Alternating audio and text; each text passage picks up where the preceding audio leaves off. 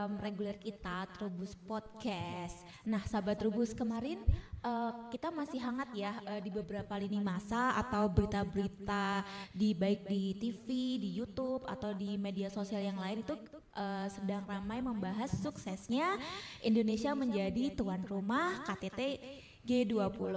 Nah, salah satu poin yang dibahas itu kalian tahu nggak sahabat Rubus tentang krisis pangan. Jadi kemarin itu salah satu poinnya uh, ada banyak sih uh, apa narasinya, cuman uh, aku rangkum ya. Jadi salah satunya adalah negara G20 itu bersepakat untuk uh, menjaga negara-negaranya dari krisis pangan. Jadi mereka tuh sepakat untuk saling rukun dan tidak membatasi ekspor impor pangan maupun pupuk. Tahu sendiri kan sahabat Rubus uh, pupuk ini jadi salah satu uh, apa bagian terpenting dalam budidaya tanaman, budidaya pertanian. Tapi beberapa bulan belakangan itu tersendat uh, pasokannya karena terjadi konflik di beberapa negara. Nah, tapi kita di Trubus Podcast ini nggak membahas mengenai pupuk ya. Nanti kita bahas tentang uh, pupuk itu lain kali. Cuman di podcast kali ini kita akan membahas mengenai pangannya, tentang krisis pangan. Kalau sahabat Trubus uh, selama ini mengerti tentang pangan, kita uh, pasti orang awam taunya pangan itu uh, kalau untuk uh, agronomi pasti ngertinya tentang beras uh, salah satu makanan pokok uh, dunia ya beras itu ya. Dan yang kedua adalah gandum. Gandum itu juga kita sering makan ya. Buat kalian yang sering makan mie atau yang suka makan mie kemasan, Indomie, super mie apa pun itu pasti itu kan salah satu bahan bakunya dari gandum. Nah, tapi sahabat rubus nggak usah jauh-jauh deh kita bahas tentang gandum karena gandum itu kan bukan uh, tanaman kita. Maksudnya susah untuk kita budidayakan sendiri bisa, tapi effortnya pasti lebih besar. Butuh greenhouse lah, buku, butuh uh, alsintan yang lebih modern dan sebagainya. Nah, kita tuh punya loh uh, keanekaragaman hayati pangan yang uh, lama banget udah nggak kita sentuh. Kita sentuh tapi dikit-dikit banget. Nah, itu adalah dua ya yang akan kita bahas, singkong dan uh, sorghum. Sorghum tuh kayak gini sahabat rubus buat kalian yang tinggal di Gunung Kidul atau Bantul ya. Ini tuh namanya cantel. Orang Jawa nyebutnya cantel.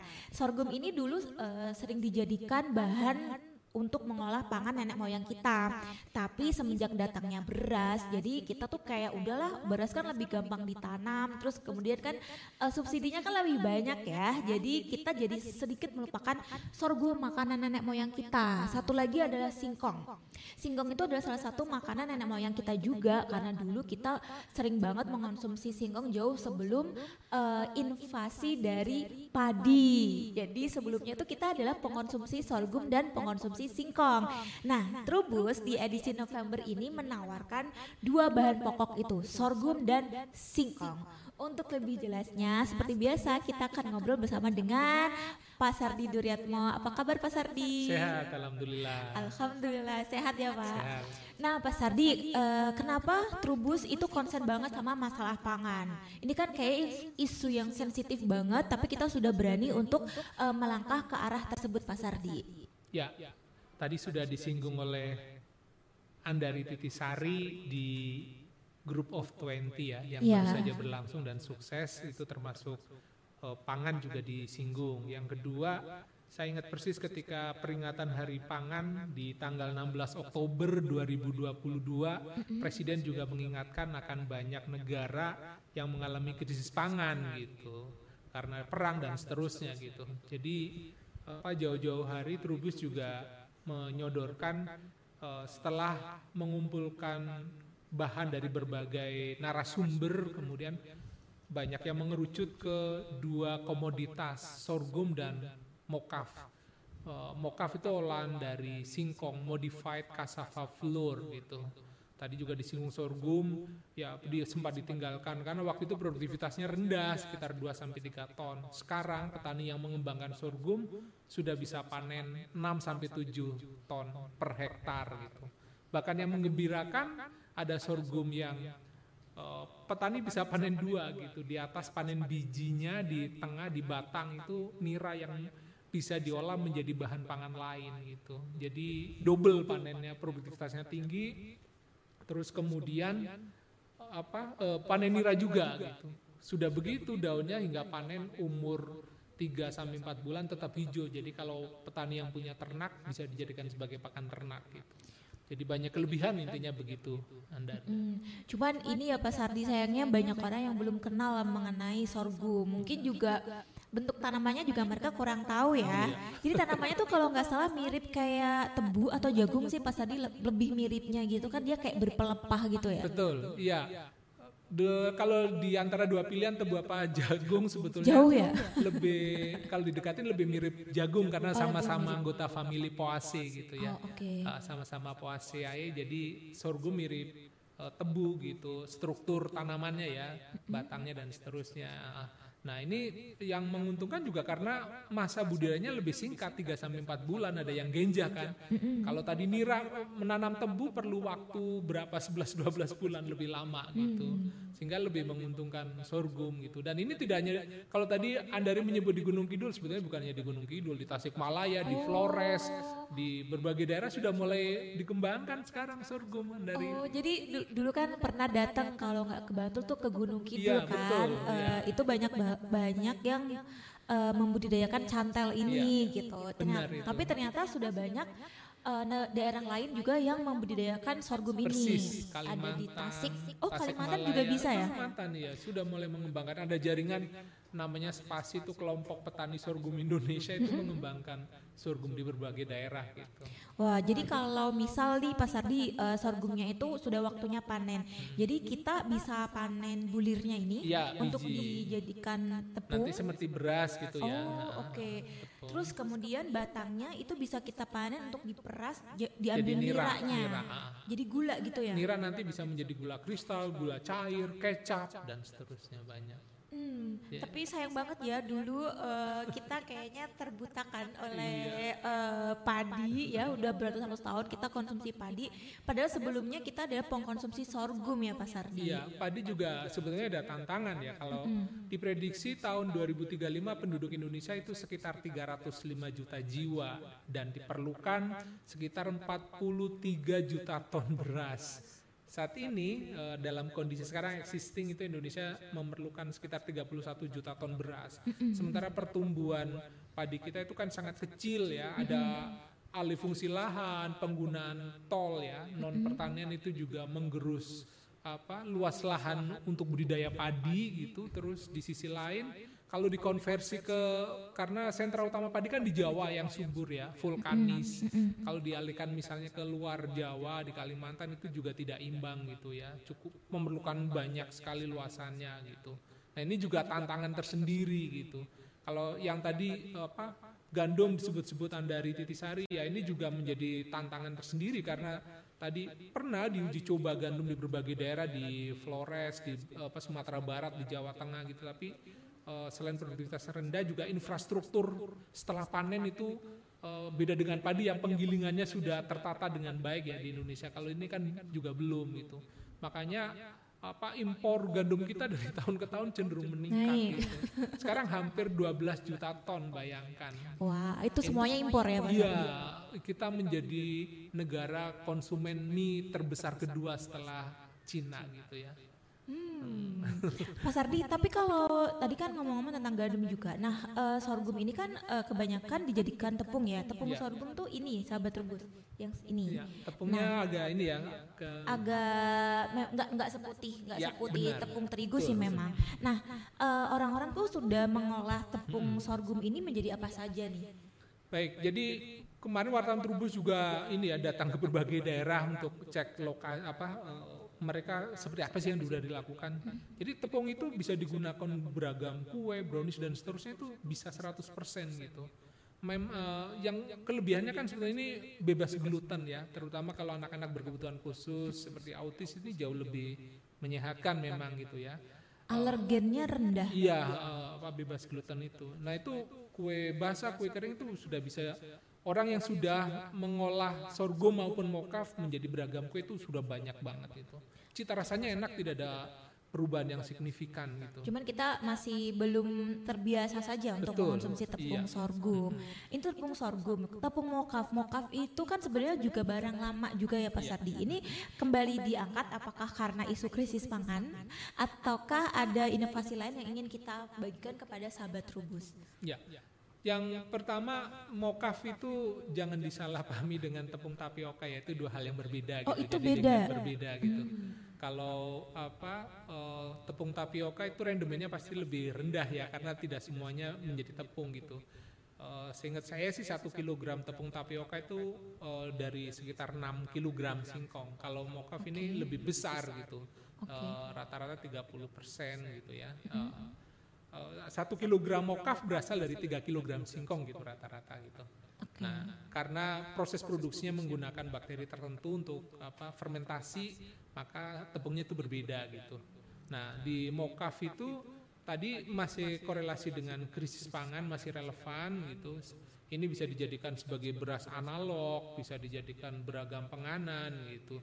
Eh, kemarin waktu COVID misalnya ada beberapa daerah yang sebetulnya eh, kepala daerahnya itu meminta warganya untuk menanam singkong gitu, menanam menjadi cadangan pangan gitu, agar ketika terjadi kunci tar atau lockdown itu warga tidak kekurangan pangan gitu. Bisa nyemil singkong. Iya gitu misalnya, itu menjadi apa eh, ketahanan pangan juga. Eh tapi orang kadang tuh malu Pak Sardi kalau Iya. makan singkong nah, rebus itu sayangnya. Ada stigma buruk, ih singkong, ih ubi jalar gitu. Padahal namanya makanan, kandungan gizinya bagus sudah gitu. Kalau gizinya tidak, misalnya rendah atau apa kan bisa fortifikasi gitu kan. Iya sih, tapi kan kadang kita tuh jaim kalau makan Bener, singkong. gitu. Makanya orang kalau makan singkong ditaburin keju. Iya. Nah makan nasi nggak ditaburin keju Pak Sardi. Iya, bener, bener. Biar lebih eh, modern gitu. Padahal nggak gitu juga ya. Singkong itu juga gizinya lebih tinggi Persis, malah. iya. Kayaknya anti diabetes juga deh. Buat yang diet-diet gitu Iya. lebih enak kalau konsumsi singkong mungkin ya Iya, dibanding benar. kalau Singkong itu bisa untuk beras analog karena eh, kasus diabetes kan juga cenderung meningkat ya. Ini juga ada aspek kesehatannya gitu. Hmm. Tapi kalau untuk mokaf ini kan tadi, Pak Sati bi- bilang mokaf ini beda dengan tepung tapioka. Iya, saya khawatir eh, persepsi orang mokaf itu ya tapioka gitu. Hmm, Jadi- tapi sebenarnya yang beredar di pasaran itu yang sering kita jumpai di kadang kan di toko-toko kelontong itu ya pasar dia itu kebanyakan adalah tepung tapioka ataukah mokaf? Eh, ada dua, duanya itu ada sekarang. Jadi industri mokaf di Indonesia juga berkembang gitu. Bahkan yang mengembirakan ada beberapa pelaku ekspor yang mengirimkan mokaf ke luar negeri secara rutin gitu. Dibuat apa di sana? Eh, tepung ya nanti untuk bahan panganan juga gitu. Heeh, itu di- dilakukan gitu di Bekasi, ada di Sumatera Barat, di Jawa Tengah itu sudah ekspor. Menurut saya itu menggembirakan gitu ya. Nah ini apa Trubus mendorong ya, ini salah satu apa alternatif bahan pangan yang eh, sebetulnya bisa dikembangkan karena kalau soal budidaya orang Indonesia sudah familiar dengan singkong. Yang menjadi hambatan produktivitasnya kan rendah. Singkong di Indonesia rata-rata sekitar 20 ton per hektar. Tapi ada teknologi eh, petani bisa meningkatkan produksi sudah dicoba ya bukan teori sampai 100 ton per hektar gitu dengan cara grafting batang atas singkong karet misalnya itu ternyata produktivitasnya sangat signifikan lonjakannya gitu. Wow, sampai 200 ton per hektar ya? 100 100. ton per 100 ton per hektar ya. Itu bisa jadi berapa kilogram tepungnya itu banyak banget ya. Ya betul. Nah, Jadi kalau eh, kita memilih sorghum atau mokaf eh, sebagai solusi ketahanan pangan ini juga salah satu eh, inovasi ya pasar dia buat kita. Jadi kita itu harus kenal nih eh, sumber daya alam yang kita miliki. Jangan cuma makan beras doang. Meskipun aku juga tiap hari masih makan beras sih Mas Adi. Tadi juga enggak? kadang-kadang iya, kadang-kadang iya. Itulah. Ada beras singkong juga di rumah. Pas tadi sebe- eh, kayaknya UMKM juga sudah mulai bergerak ya untuk Persis. eh, mengolah sorghum atau singkong ini, mokaf ini menjadi panganan yang eye-catching. Ya kan, jadi kayak anak-anak muda biar suka nih sama mokaf dan sorghum. Ini salah satunya ini nih Pak Sardi. Hmm, ini mokaf nih, dua produk mokaf. Yang satu ini stick, yang satu ini ini eh, choco chips. Hmm, Jadi kayak choco chips. keren gitu. Rasanya enak coba Ini dari industri buka deh rumah, ini cicipin industri sedikit. rumahan Pak Sardi. Iya rumahan ini UMKM coba.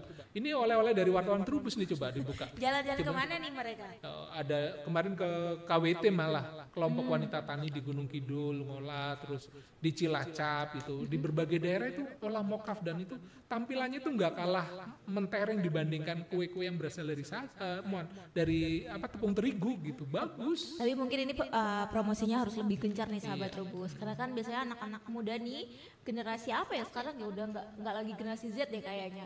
Itu kan uh, sukanya buka-buka media sosial. Jadi mungkin uh, produsennya harus lebih sering promosi di di laman media sosial. Jadi kita-kita nih yang anak muda, emang kita kalian-kalian yang anak muda bisa lebih kenal dalam eh, olahan dari mokaf ini susah banget dibukanya susah nih pas itu stick ya pas tadi dia ASMR ya ceritanya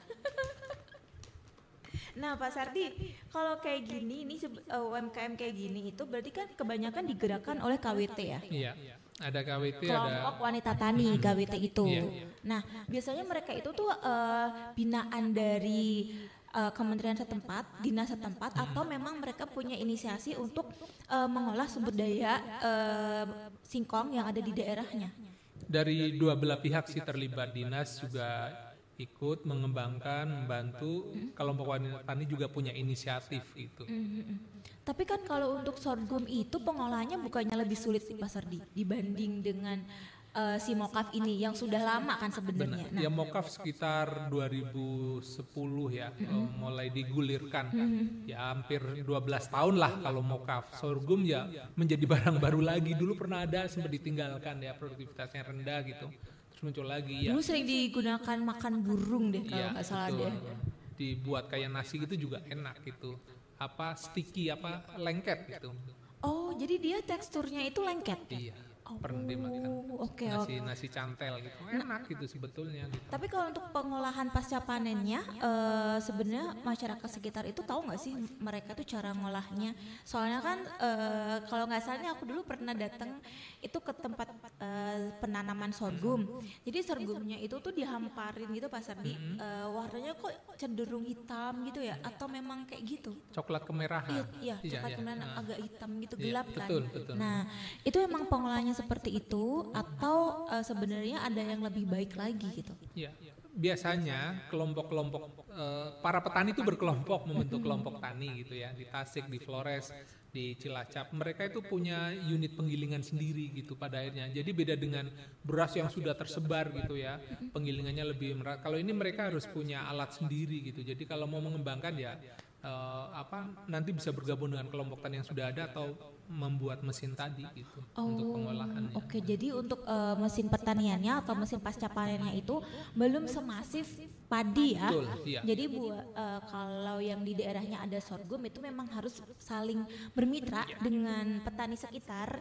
Jadi eh, gotong royong untuk beli eh, mesin pasca panennya biar pengolahannya tuh lebih baik. Kalau nggak salah di majalah Trubus juga dibahas itu ada varietas sorghum baru deh dari IPB Mas Betul, Ardi. iya. Nah, itu yang Sorais namanya Sorais. Sorghum rice. Sorghum. Nah, Kenapa sorghum. disebutnya Sorais Pak Sardi? Iya, biar eh, nanti diolah menjadi nasi menjadi terbiasa sosialisasi gitu. Jadi ini produktivitasnya juga tinggi ya, 7 ton per hektar gitu. Jadi petani eh, bisa apa meng- sangat menguntungkan lah untuk membudidayakan sorghum sekarang ini. Memang ada beberapa kendala seperti burung dan seterusnya ya. Samalah ada eh, budidaya apa pun ya pasti ada hambatannya. Iya, salah satu yang jadi musuh utama sorghum itu adalah burung. Hmm. Karena sering makan kan soalnya ini bulirnya tuh ada di bagian atas. Iya. Jadi kayak menarik perhatian burung banget. Emang musuh utamanya sorghum itu adalah burung. Biasanya di, di atasnya kayaknya dikasih kayak semacam jaring gitu deh Mas Ardi. Iya, apa penutup eh, jaring. Di sekeliling kebun sorghumnya iya. kan, sama di atasnya terkadang juga ada kayak apa ya? eh, semacam jaring gitu, jadi burungnya tuh terperangkap di situ. Kayak gitu gak sih? Untuk mencegah sih, Untuk maksudnya mencegah tidak ya? tidak melukai burung sih, tidak oh iya mencegah. tidak, cuman mencegah biar mencegah, burungnya nggak sampai ke iya. bawah. Oke deh, Pak Sardi, eh, kalau di itu kan sorghum mokaf, berarti kalau di majalah Trubus masuk ke dalam rubrik Eh, Kaitannya perkebunan. dengan ya eh, itu lebih dekat ke perkebunan sih sebetulnya.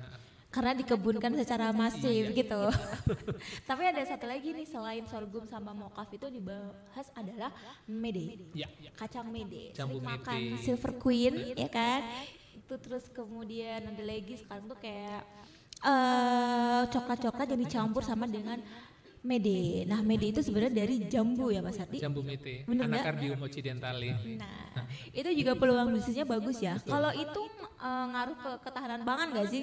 Kayak Berpengaruh, tetap oh, ada hubungannya, iya. Meskipun itu bukan istilahnya bukan makanan pokok, besar ya, iya. bukan makanan iya. pokok. Nah, dia berpengaruh ke ketahanan pangan. Cuman yang menjadi persoalan kan produktivitas jambu mete turun ya karena pohon-pohon tua petani tidak meremajakan. Nah, iya. Trubus menyodorkan salah satu inovasi dengan cara menyambung gitu. Jadi dengan top working tanpa harus menebang pohon yang tua, sisipkan gitu di beberapa cabang nanti uh, setahun dua tahun sudah produksi lagi gitu. Kalo, itu yang diulas Trubus di edisi November. Oh, kalau Mede itu kan banyaknya di Jawa Tengah tuh Wonogiri ya Pak ya, Sardi. Ya, uh, selatan, daerah-daerah selatan. Pokoknya ya. Jawa Tengah Selatan. Iya, sih banyak. Itu. Di daerah sana banyak sekali pohon-pohon Mede hmm. tapi sudah tua. Nah itu salah satu caranya inovasi untuk meremajakan kembali pohon yang tua mm-hmm. dengan cara uh, sambung atau top working. Dan Jadi, itu uh, efektif lagi, untuk efektif uh, untuk meningkatkan produktivitas. Hmm. Nah itu karena itu sudah diterapkan gitu uh, dengan cara sambung tadi gitu. Peningkatan produktivitasnya itu sampai 300 persen gitu. 300 persen. Kalau biasanya panennya 3 ton, berarti tiga kali tiga bisa sampai 9 ton. Jadi sahabat rubus yang di daerah Wonogiri mungkin orang tuanya punya uh, tanaman mede yang sudah tua, bisa baca dulu majalah rubus edisi November. Di situ dijelaskan gimana caranya top working. Jadi eh, nggak uh, perlu nggak perlu di ini ya Pak Sadi nggak perlu tebang, dicabut atau iya. nggak iya. perlu ditebang, cuma dipotong atasnya aja. Jadi nanti ditempel sama uh, tanaman cabang baru, baru, cabang baru. Nah itu tadi bisa uh, berproduksi lagi. Itu di perkebunan. Aku mau eksplorasi dong. Kayaknya ada yang seru di eksplorasi itu kita bahas mengenai teripang. Ya, ya. Nah ada apa dengan teripang? Iya karena sebetulnya teripang itu manfaatnya banyak ya untuk kesehatan, untuk bahan pangan gitu. Nah sekarang ada yang uh, selama ini kan menangkap di laut. mm-hmm. ada upaya budidaya dan berhasil gitu. Jadi budidaya teripang. Budidaya teripang. Jadi dibesarkan di apa uh, semacam kolam lah di laut itu di dibuat uh, kolam dan dibesarkan di situ sudah uh, ada beberapa petani yang berhasil uh, membesarkan teripang. Menurut saya ini langkah yang positif yang harus diapresiasi gitu. teripang itu timun laut nggak iya, sih? oh. persis. Timun laut Ah, ternyata masih ingat saya. Tripang itu timun laut. Kayaknya uh, bisa bermanfaat sebagai obat juga nggak sih Mas Adi? Ya, benar kan ya? Benar, untuk obat, untuk apa kolagen ya, persendian itu sangat bagus. Kolagennya dari teripang dan itu dibahas di bagian eksplorasi ya, ya, ya. karena sudah ada yang uh, beternak teripang. Hmm. Kalau ngomong-ngomong teripang itu kan hewan laut juga. Nah di edisi November itu membahas mengenai ikan apa Pak Sardi? Ikan yang dibahas di Trubus November 2022 itu juga cukup beragam.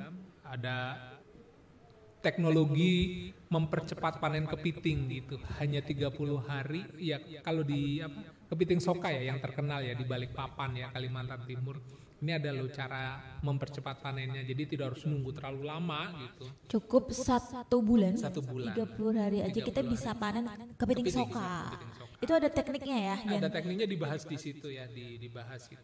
Ada lagi tuh kerapu Pak Sardi. Jadi ada anak muda yang uh, sukses beternak kerapu. Berbisnis kerapu ya. Jadi ini juga apa sangat inspiratif gitu ya uh, Badi Cahyo yang di Jawa Timur mengembangkan kerapu uh, untuk pasar ekspor gitu. Uh, kisah inspiratifnya dimuat di Trubus edisi November. Jadi ekspor ya keraputnya. Ekspor. Jadi bukan untuk pasar lokal, tapi ini uh, Mas siapa namanya Pak Sari Mas? Bud, uh, Badi. Mas Badi. si Mas Badi ini berhasil uh, budidaya kerapu, kemudian mengekspornya ke mancanegara. Aku mau bergeser ke obat tradisional Pak Sardi? Ya, tadi di depan disinggung-singgung diabetes. Ya. Diabetes. Ya. Indonesia itu, itu peringkat tanda kutip ketiga setelah Cina, India ya. Suka Baru makan Indonesia manis diabetes banyak yang manis. Nah, uh, upaya untuk mencegah atau mengatasi kalau yang sudah terserang terutama diabetes tipe 2 hmm? itu matoa gitu. Beberapa edisi lalu kan kita mengulas matoa yang dibudidayakan kan. Ya, ya. Bukan lagi tanaman liar gitu. Nah, ini matoa daunnya ternyata uh, terbukti secara ilmiah mengatasi diabetes mellitus. Daun matoa. Matoa. Jadi ketika belum berbuah, ya udah manfaatkan daunnya dulu. Nanti daunnya habis gak jadi berbuah dong, gak punya dapur buat masak. Diapain Pak daunnya Pak? Daunnya di apa? potong kecil-kecil untuk mempercepat keluarnya senyawa aktif lalu direbus dengan api kecil tertutup sampai mendidih nanti disaring dan diminum jadi orang yang punya potensi gula darah meningkat gitu ya, itu rutin minum rebusan daun matoa. Tapi uh, ngambilnya ini ya secara berkala aja ya. Iya. Kalau pengen dapat buahnya, takutnya nanti uh, pohonnya habis daunnya gundul. Tidak bisa berbuah. Tidak bisa berbuah. Jadi kayak uh, dua sisi mata uang ya. Ya terserah nih sahabat rubus mau ngambil buahnya, tapi juga daunnya bermanfaat gitu. Nah itu uh, mengenai diabetes. Ada penyakit lain yang dibahas di November ini Pak Sardi ya. yang bisa kita share? Asam urat itu juga membahayakan ya kalau sudah terserang itu, aduh sendi-sendinya nggak sulit bergerak ya, bisa artritis, gout gitu. Nah Trubus juga mengulas riset baru dengan buah kawista gitu itu buah daerah saya ya. Buahnya keras, itu bisa apa? Kalau kena lemparan itu sakit. Bisa benjol, karena keras ya buah kawista itu kulitnya. Itu juga bisa untuk mengatasi asam urat. Asam urat diminum aja gitu Pak iya, Sardi. Diminum. Wah, ini kayaknya orang-orang Rembang uh, terbebas dari asam urat ya, karena di sana banyak banget populasi kawista. Jadi eh, rutin-rutin minum kawista biar terbebas dari asam urat.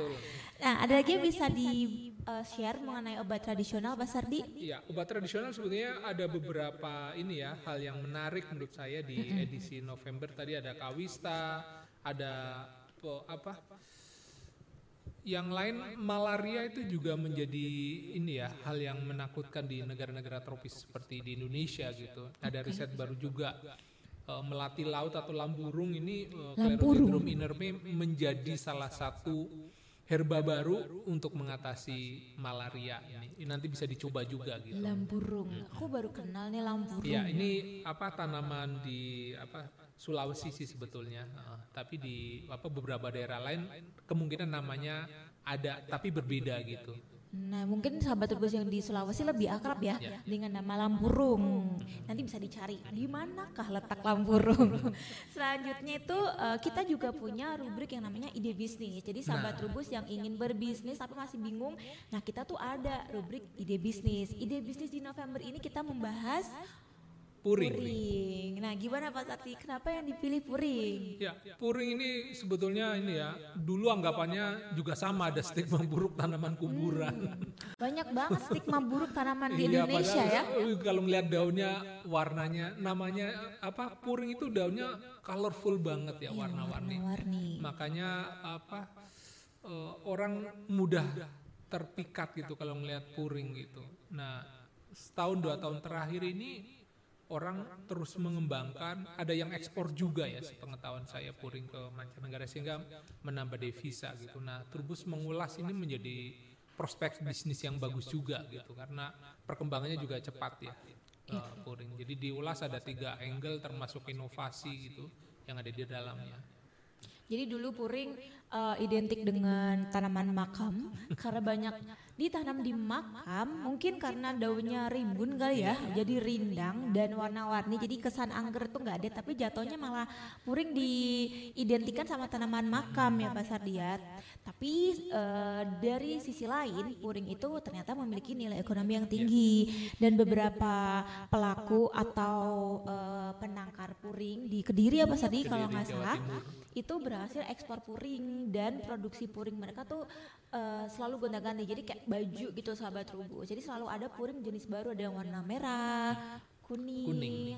ada juga uh, motifnya macam-macam. Hijau campur kuning merah campur hitam kan. Jadi keren-keren banget puring itu bisa jadi inspirasi bisnis buat sahabat rubus yang masih bingung mau jadi uh, wirausaha apa nih. Boleh dicoba uh, puring nah puring itu adalah tanaman hias ya Mas Sardi tanaman hias yang menjadi andalan di edisi November apa ya kemarin itu orang kalau memelihara tanaman hias kan ingin ya uh, koleksinya itu tampil prima ya daunnya Iya. mengkilap bagus gitu.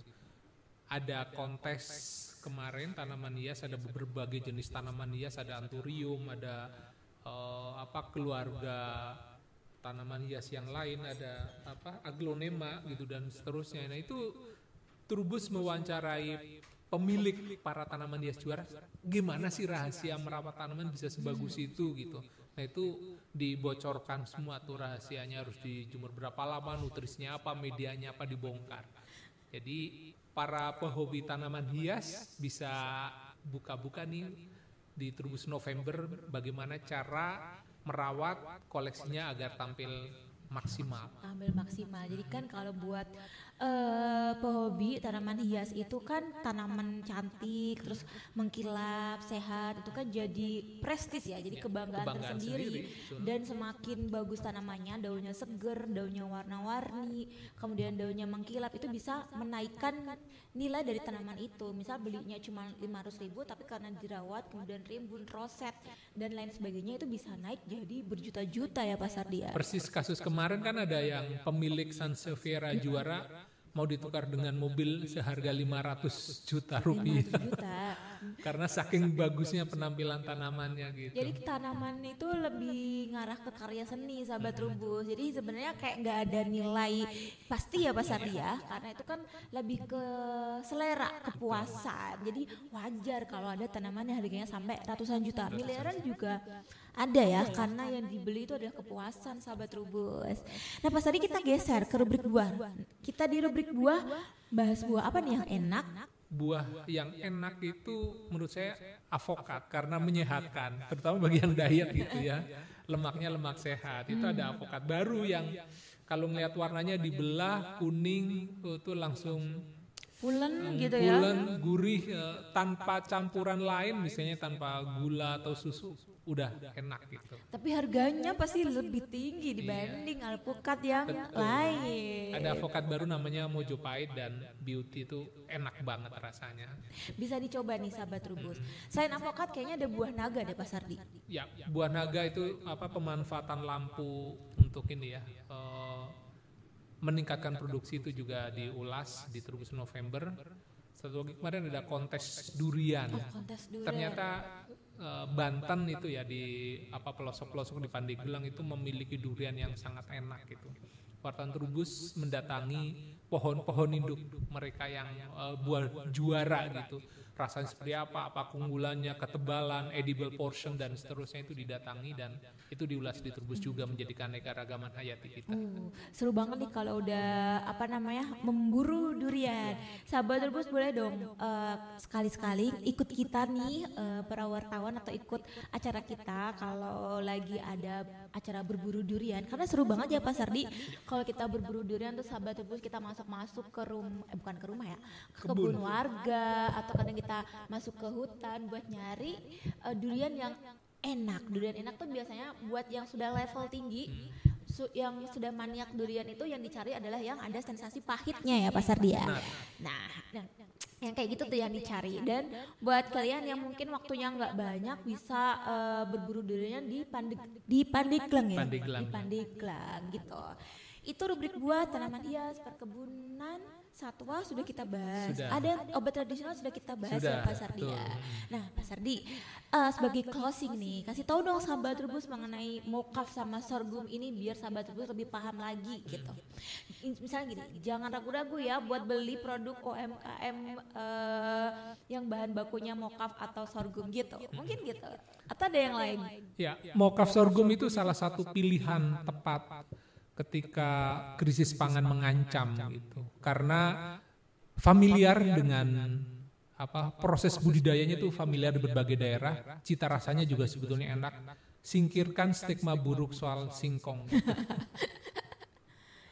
Yap, singkirkan stigma, stigma buruk mengenai singkong ya Mas Arya. Dan jangan lupa untuk membeli majalah Trubus, kalian bisa beli di uh, itu website Trubus ya. Itu ada ada nih sebelah kiri nih www.trubusonlineshop.com dan juga kalian bisa WA di nomor 0812104003 kali 98 atau kalian bisa DM di semua media sosial Trubus juga bisa dan jangan lupa untuk ikuti kelas Trubus ya sahabat Trubus. Jadi setiap bulan kita ada kelas Trubus. Jadi kalian bisa mengikuti berbagai macam pelatihan komoditas yang ditawarkan juga macam-macam ada komoditas uh, obat tradisional perkebunan tanaman hias satwa juga ada jadi kalian bisa pilih uh, pelatihan di kelas Trubus sesuai dengan minat kalian Terima kasih banyak sahabat Trubus. Terima kasih banyak Pak Sardi. Terima kasih kembali. Ya, editorial majalah Trubus edisi November 2022. Sampai ketemu lagi. Dah.